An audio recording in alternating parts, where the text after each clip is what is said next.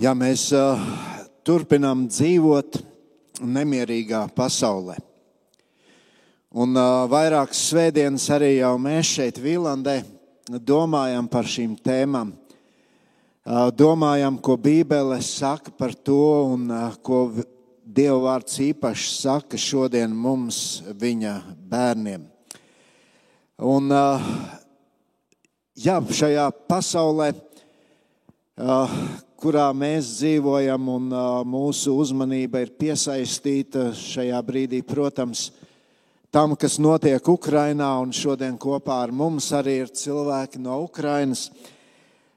Tur plosās karš, un tas vienmēr ir briesmīgi. Un it sevišķi jau mūsdienās, kad uh, tiek izmantoti šie modernie ieroči, mūsdienīgie ieroči, un kad cilvēks ar to visu sastopas, tas um, it sevišķi jau tos cilvēkus, kas tiešām reāli to piedzīvo, arī mūs šeit, kas tikai kaut ko no tā dzirdam, tas zena ļoti daudzus cilvēkus izmisumā. Tik daudz cilvēku šodien runā par bailēm, un uh, arī ticīgi cilvēki nav izņēmums.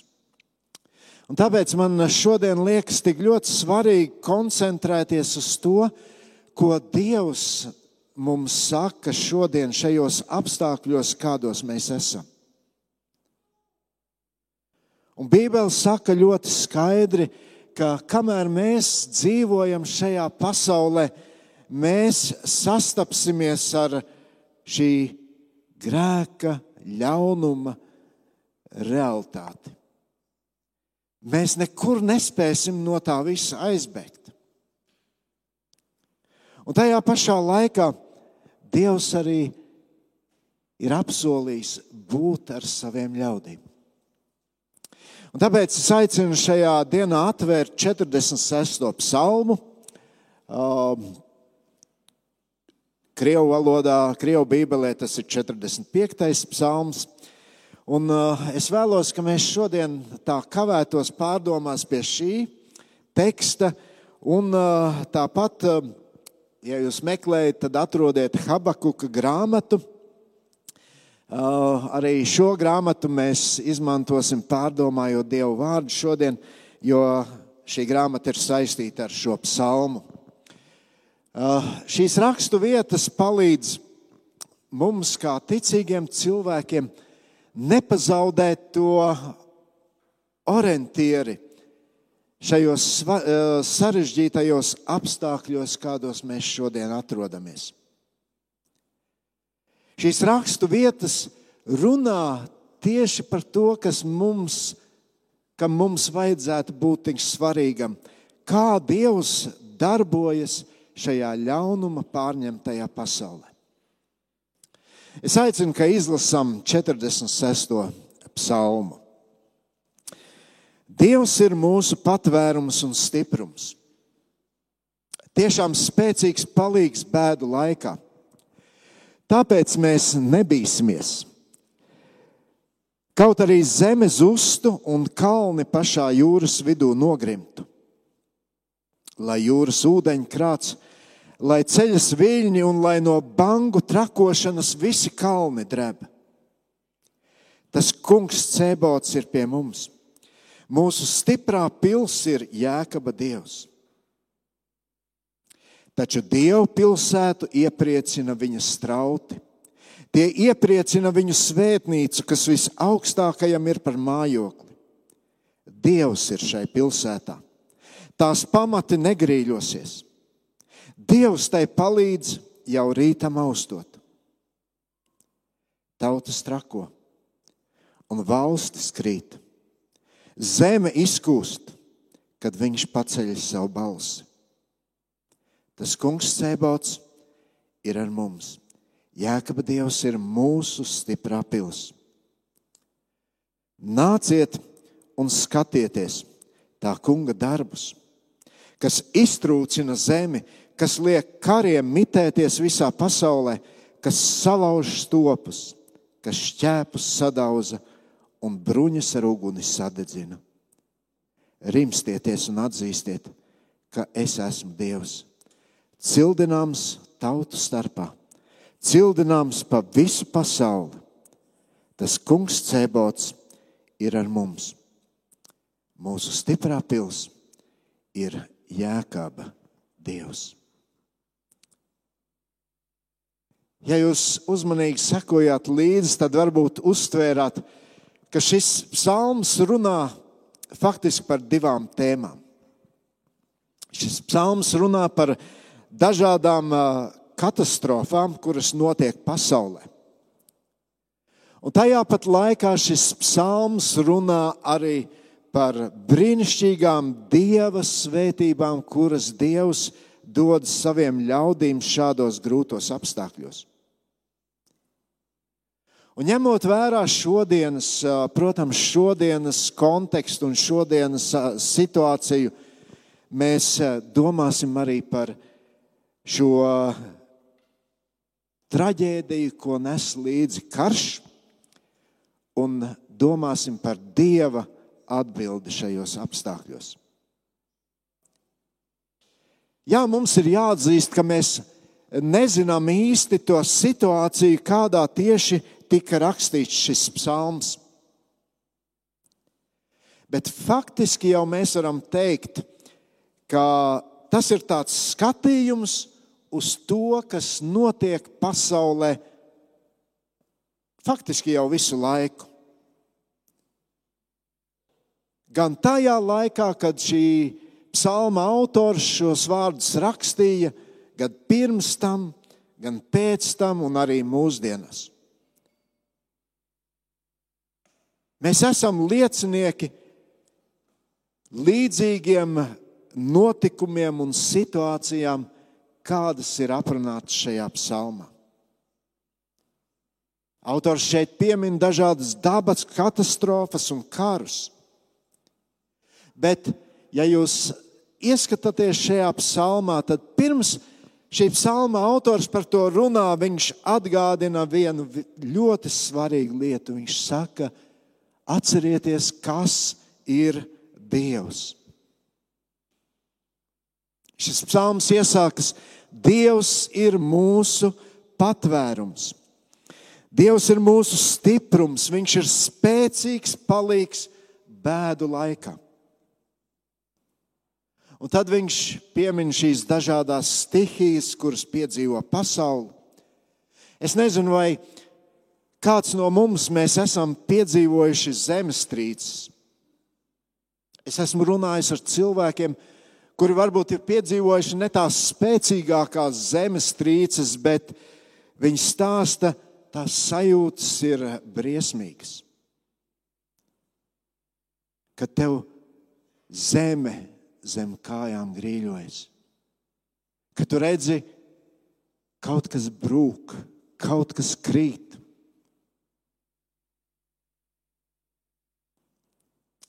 tāpat vulkāna izvirdumi vai tsunami. Tad, kad viļņi desmit stāv māju augstumā, veļas un burtiski viss, kas ir tur, viss tiek nonests.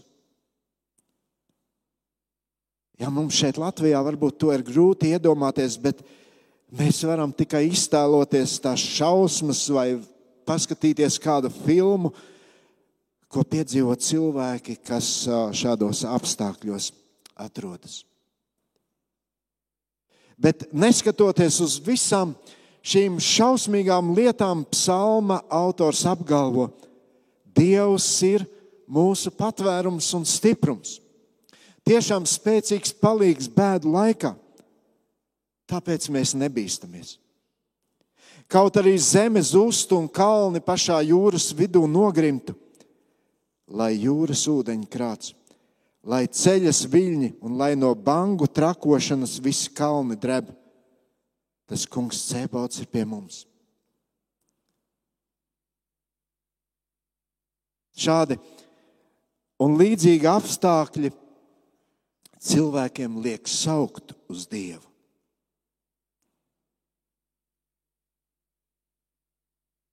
Tik bieži varbūt mēs piedzīvojot nemaz netik briesmīgus apstākļus, mēs kaut kā automātiski saliekam rokas un saucam Dievs palīdzi. Es esmu jau stāstījis šeit, un es domāju, jūs atceraties Mārtiņš Luters, kad viņš kādā dienā savā dzīvē piedzīvoja zibens postošo spēku. Tad tieši šis brīdis bija tas izšķirošais viņa dzīvē,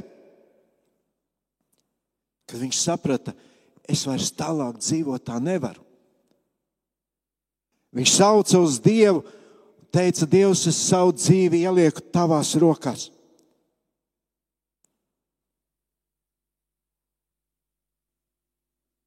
Un tajā karā šīs kara šausmas notiek cilvēku tādas bezjēdzīgas darbības dēļ. Viņa izdomas dēļ, viņa ļaunuma dēļ. Kad mēs redzam, ka cilvēks izmanto šos dieva dotos resursus savā ļaunumā, lai nogalinātu. Faktiski cilvēks iedomājas sevi varenu un viņš būvē kārtējo Bābeles troni, lai parādītu, cik viņš tomēr ir varens. Bet, mīļie, Mēs redzam, ka šādos apstākļos cilvēks aizmirst vienu svarīgu lietu, ka Dievs ir devis cilvēkam šo saprātu, lai radītu, nevis lai iznīcinātu. Karš. Tas nes sev līdzi iznīcību. Atcerieties, kurš bija pirmais karš? Tas bija karš starp diviem brāļiem karš starp Kainu un Ābelu. Un iemesls šim karam bija, kad Kains jutās pazemots, redzot, ka Ābelam vislabāk izdodas. Lai kur viņš ķertos klāt, viņam viss padevās. Kains mēģināja, viņam tas nesanāca. Un tad viņa domās, viņa prātā šis risinājums bija, ka viņš vienkārši ņēma akmeni Toreiz Kaina ierocis bija akmens, ar kuru viņš nogalināja savu brāli. Bet, ja jūs lasat šo stāstu Bībelē, tad uh, jūs redzat arī to, ka arī ar visu to šī kaina problēma neatrisinājās.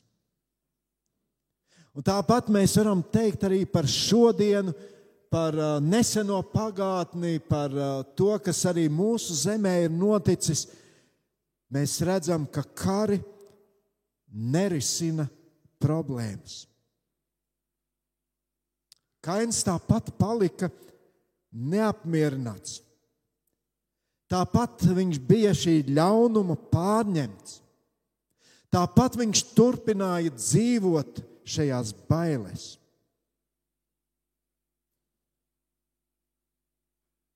No šī pirmā kara, šo divu brāļu starpā līdz šodienas karam Ukrajinā, karš nekad nav risinājis problēmas. Viņš rada, karš rada tikai jaunas. Karš nes līdzi neiedomājamas ciešanas miljoniem cilvēku. Redziet, tāda nu ir šī pasaule, kurā mēs dzīvojam. Tāda tā ir. Un mēs lasījām šajā psalmā, tautas trako, valstis krīt. Tas notiek arī šodien. Politiķi dala pasauli, iznīcina pilsētas. Cilvēki tiek dzīti bailēs un izmisumā. Un rodas daudz jautājumu. Droši vien vispopulārākais, ko arī mēs varbūt uzdodam, kāpēc tu Dievs to pieļauj? Kāpēc Dievs tu to pieļauj? Un lai arī mēs Latvijā neesam tā tieši iesaistīti karā, bet esot kopā ar cilvēkiem no Ukrainas, klausoties viņu stāstos, arī mums ir šie jautājumi. Kāpēc? Kāpēc? Kas būs tālāk? Un te nu es gribu kopā ar jums aiziet uz vienu citu vecās derības grāmatu un atvērt Habakuka grāmatu, jo mēs šajā grāmatā lasām līdzīgus jautājumus, kurus uzdeva pravietis Habakuks. Šajā grāmatā ir trīs nodaļas. Atveriet pirmo nodaļu, un uh, tur mēs lasām no otrā panta, cik ilgi kungs lai es saucu pēc palīdzības, un tu to nedzirdi. Cik ilgi lai tavās ausīs atskan mani saucieni par varmācību, un tu nesniedz palīdzību. Kādēļ tu liec man redzēt pārestību, kas kādam tiek nodarīta? Un kāpēc tu liec man noskatīties mokās? Laupīšanas un noziegumi notiek manu acu, manā acu priekšā. Rodas asas domstarpības un uzliesmo naids. Mēs lasām šos vārdus, un ir jāsaka, tik mūsdienīgi tie skan. Un nedaudz tālāk, 13. pantā, viņš turpina, tavas acis ir pārāk šķīstas, lai tu varētu skatīt ļaunumu, un varas darbus tu arī nevari uzlūkot. Kāpēc tad tu mierīgi noraugies uz laupītājiem un ciet klusi, kad ļaundara, ļaundaris to aprī, kas taisnāks par viņu? Tu padari cilvēkus līdzīgus zivīm jūrā, līdzīgi kādam rāpulim, kas nepazīst valdnieku. Mēs saprotam, Habakuks ir liecinieks šīm briesmīgām lietām. Habakuks ir liecinieks kariem tur. Un viņam, viņam, Dieva cilvēkam, arī rodas šie jautājumi, kāpēc šīs lietas notiek. Un arī viņš nezina skaidru atbildi. Arī viņš nezina šos iemeslus. Kāpēc? Kāds saslimst ar vēzi, un cilvēks būtu gatavs atdot visu, lai izārstētu, bet neizdodas izārstēt. Es saņēmu ziņu, ka Maropoles Baptistu draugs mācītāja māja ir sabumbota.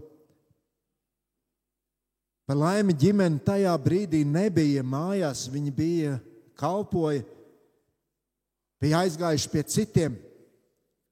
Nākot atpakaļ, mājas vairs nebija. Viņi atrada vietu, kur izmitināties citur, bet ģimene turpināja kalpot un Mācītājs kopā ar brāļiem devās, uh, lai sagādātu ūdeni cilvēkiem.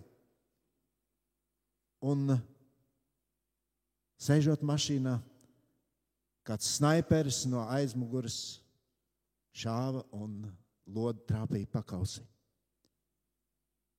Kāpēc? Kāpēc? Kāpēc šodien tik daudziem cilvēkiem ir jācieš no šīs bezjēdzības. Un kā jau sacīju, nemeklēsim šīs atbildes Bībelē. Bībele nesniedz atbildi uz šiem jautājumiem. Es gribētu pateikt, mums ir jābūt ļoti uzmanīgi interpretējot rakstus šajā ziņā. Jā, Dievs to zina. Dievs zina, kāpēc viņš visu to pielaiž, kāpēc viņš pielaiž tsunami, zemestrīces, vulkānu izvirdumus, karus. Bet tajā pašā laikā mēs neredzam šo atbildi, kāpēc šīs lietas notiek. Bet vienu gan es zinu, un par to runā arī šīs mūsu šodienas rakstu vietas, ļoti skaidri runā par to, kā pārdzīvot šādas situācijas un notikumus. Un tāpēc tieši uz to es gribu šajā brīdī koncentrēties. Habaku grāmatas otrā nodaļa iesākas ar vārdiem: Es nostāšos sarga vietā, es turēšos stingri savā sargu turnī, un es novērošu un pārbaudīšu, kā izlūks, ko viņš man sacīs un kādu atbildi dos uz manu sūdzību. Bet man atbildēja tas kungs un teica man: apraksti tevis redzēto parādību un uzraksti to uz plāksnēm, lai to ik viens var viegli lasīt. Un tad seko Dieva atbilde 4. pantā, kurš skan tā: redzi, uzpūtīgs un pārgalvīgs, kurš sirdī nav taisns.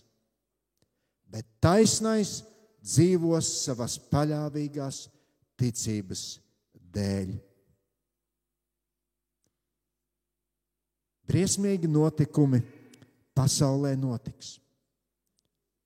Bet tajā pašā laikā Dievs dod savu pārdabisko spēku saviem ļaudīm, dzīvojot šajos apstākļos, uzticoties tam, kurš visu kontrolē, kalpojot cilvēkiem, aizlūdzot par viņiem, mierinot izmisušos prātus. Viņš dod spēku saviem ļaudīm.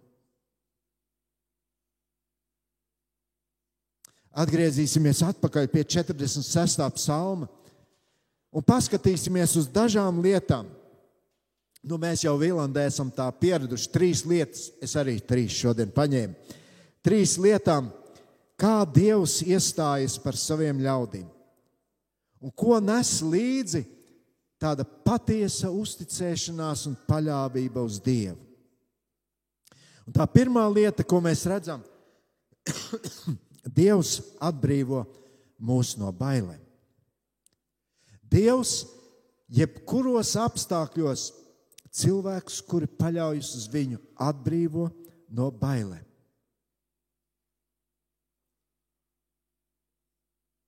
Es jau droši vien trešo reizi atkārtošu šos vārdus, bet tie ir tik brīnišķīgi. Dievs ir mūsu patvērums un stiprums. Tiešām spēcīgs palīgs bēdu laikā, tāpēc mēs nebīstamies.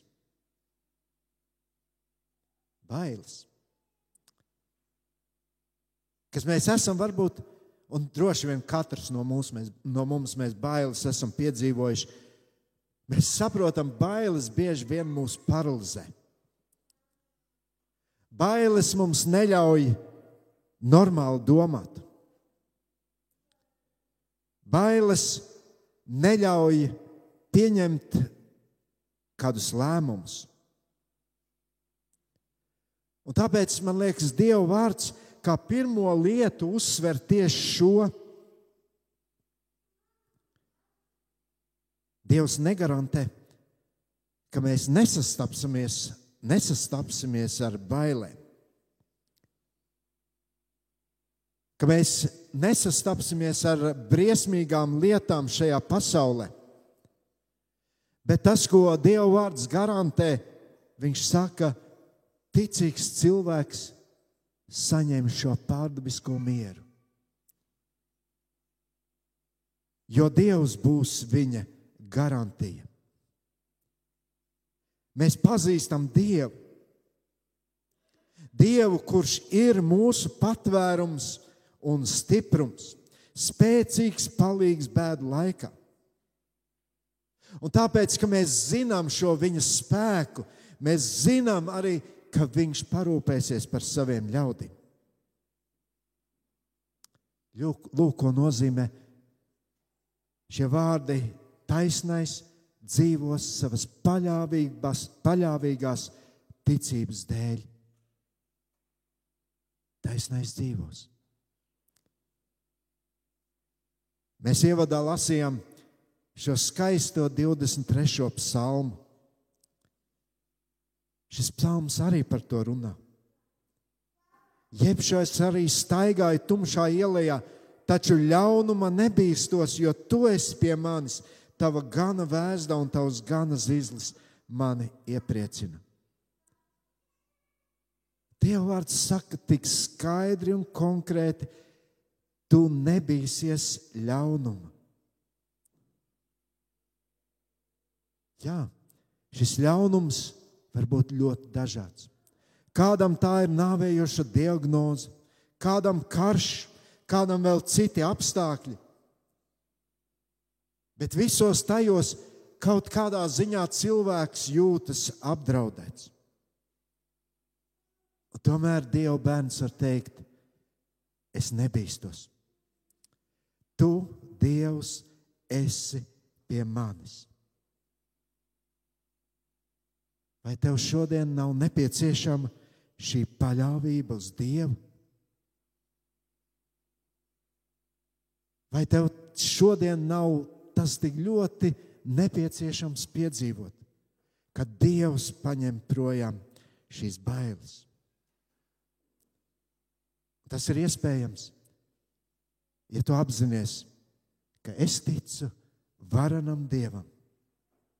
Es piederu mīlošam Dievam. Un tad mēs varam domāt par otru lietu. Ka cilvēks, kurš uzticas Dievam, ne tikai tiek atbrīvots no bailēm, bet viņš saņem arī šo pārdabisko prieku kalpot Dievam. Lai jūras ūdeņi krāts, lai ceļas viļņi, un lai no bangu trakošanas visi kalni dreb. Tas kungs Cēbots ir pie mums. Mūsu stiprā pils ir Jēkab Dievs. Taču Dieva pilsētu iepriecina viņa strauti, tie iepriecina viņa svētnīcu, kas visaugstākajam ir par mājokli. Dievs ir šai pilsētā. Tās pamati negrīļosies. Dievs tai palīdz jau rītam austot. Ziniet, kad mēs domājam par prieku, arī dažādās grūtās situācijās, tad tas tā nu ir viena lieta, kas pasaulē liekas nesaprotama. Kā tu vari priecāties? Kā tu vari priecāties savā sirdī, neskatoties uz to, kas notiek apkārt? Bet tas notiek. Dievs pārdabiskā veidā dod saviem ļaudīm šo iespēju piedzīvot šo prieku jebkuros apstākļos. Dažādas grūtības vienmēr attīrīs tavu ticību.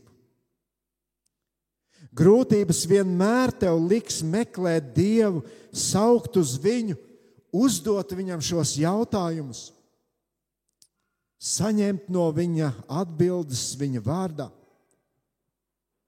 Tā ir reāla prakse, kuru savā dzīvē lieto patiesi ticīgs cilvēks.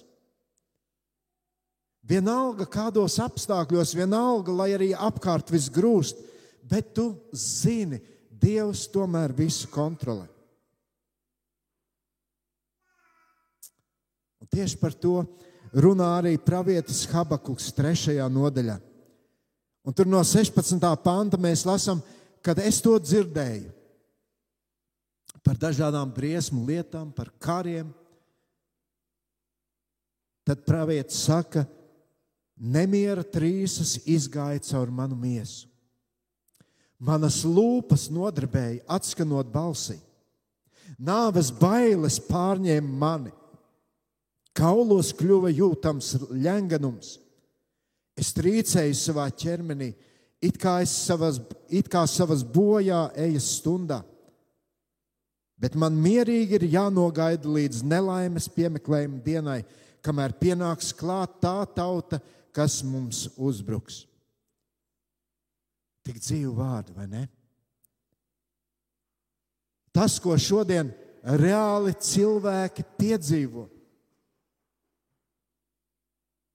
Arī klausoties šajos stāstos, tavas lūpas nodreb. Bet tad mēs lasām tālāk, 17. pantā, šos brīnišķīgos vārdus. Ja vīģes koks arī neziedēs, un vīna kokam nebūs ogu, un ja nepiepildās arī cerības, kādas bija liktas uz eļļas kokiem, un arī tīrumi nesniedz nekādu barību, ja sīklopi būtu izzuduši no aplokiem, un kūtīs nebūtu arī vairs neviena lielopa, tad es tomēr gribu gavilēt savam kungam un likt izpausties savam priekam par savu glābēju, savu dievu. Jo Dievs tas kungs ir mans spēks un darīs manas kājas vieglas, kā kalnu kazai, un pāri maniem augstumiem rādīs man ceļu un vadīs mani. Pravietis saka, ka pat tajos visbriesmīgākajos apstākļos viņa ļaudis spēja priecāties par to kungu. Arī šodien, kad pasaule piedzīvo kaut ko līdzīgu, tas, uz ko Dieva vārds mūs šodien aicina, mīļie draugi, meklē prieku Dieva. Meklē prieku Dievam. Es šajā laikā esmu tik daudz stāstus stāstījis par situāciju, eh, klausījies par situāciju Ukra Ukrainā. Ziniet, ir viena lieta, kas man neļauj tā mierīgi klausīties. Es apbrīnoju ticīgu cilvēku deksmi un drosmi šajos kara apstākļos kalpot tik dažādos veidos. Es abrīnoju to mieru, ko Dievs ieliek viņu sirdīs, neskatoties uz šiem apstākļiem, būt tur un rādīt, Dievs valda. Un tad pavisam īsi trešā lieta. Noslēgumā 46. psalms runā par to, kas raksturo cilvēkus, kuri patiesi uzticas Dievam. Šie cilvēki saņem spēku un drosmi rīkoties. Mēs jau varam runāt par daudzām lietām, bet Dievs saviem ļaudīm dod spēku rīkoties. Dievs saviem ļaudīm liek sacīt arī citiem, rimstieties un atzīstiet, ka es esmu Dievs, cildināms tautu starpā, cildināms pa visu pasauli. Kāds aizved cilvēkus uz drošākām vietām? Kāda rūpējas par tiem, kas ir izmisumā? Kādi ir blakus tiem, kas visu ir pazaudējuši? Kāda pārsiena ievainotiem brūcis, kāda pabaro izsalkušos, kāda atver sava nama durvis līdz cilvēkiem.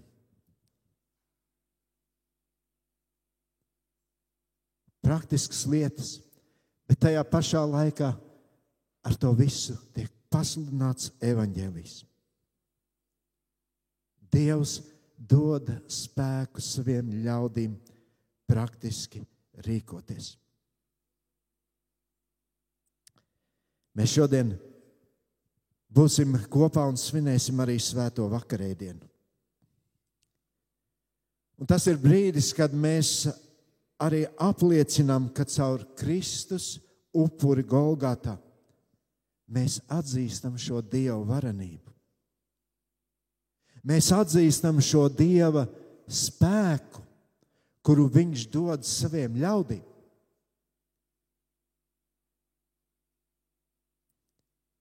Bez šī Kristus upuri, upura mēs nebūtu tie, kas mēs esam, Dieva bērni. Ar to, ka mēs kopā baudīsim, arī kopīgi mēs apliecinām, mēs zinām, Dievs joprojām mīl šo pasauli. Viņš joprojām valda šajā pasaulē. Un viņš ir tas, kurš mūs atbrīvo no bailēm, kurš mums dod prieku jebkuros apstākļos, un kurš mums dod spēku arī praktiski rīkoties. Mēs lūgsim Dievu. Jā, Dievs, paldies, ka Tu atgādini mums šīs lietas, lai tā mūsu ticība nav tikai teorija, ko mēs zinām Bet arī tad, kad mēs nonākam šajās situācijās, kad uh, mums ir šie izaicinājumi un uh, reālas lietas, ar ko mēs sastopamies, palīdzi mums arī tad praktiski izdzīvot šo ticību tev. Lai tas ir atgādinājums mums pašiem, lai tas ir atgādinājums šodien cilvēkiem ap mums, kuri nezina, kur meklēt šo palīdzību, kur nezina, ka tu dod pasaulē šo cerību, ka tu, Dievs, esi tas, kurš joprojām valdi un turpinās valdīt. Paldies, Kungs, par šiem vārdiem šajā dienā, par uh, dzīvo vārdu, kurš mums atkal atgādināja, ka tas nav tikai kaut kad pagātnē, bet tas ir reāli šodien, kur mēs izdzīvojam visas šīs lietas, un tu paliec nemainīgs. Tu paliec tāds pats, visvarens, un tajā pat laikā mīlošs Tēvs cilvēkiem. Paldies par to tev. Āmen.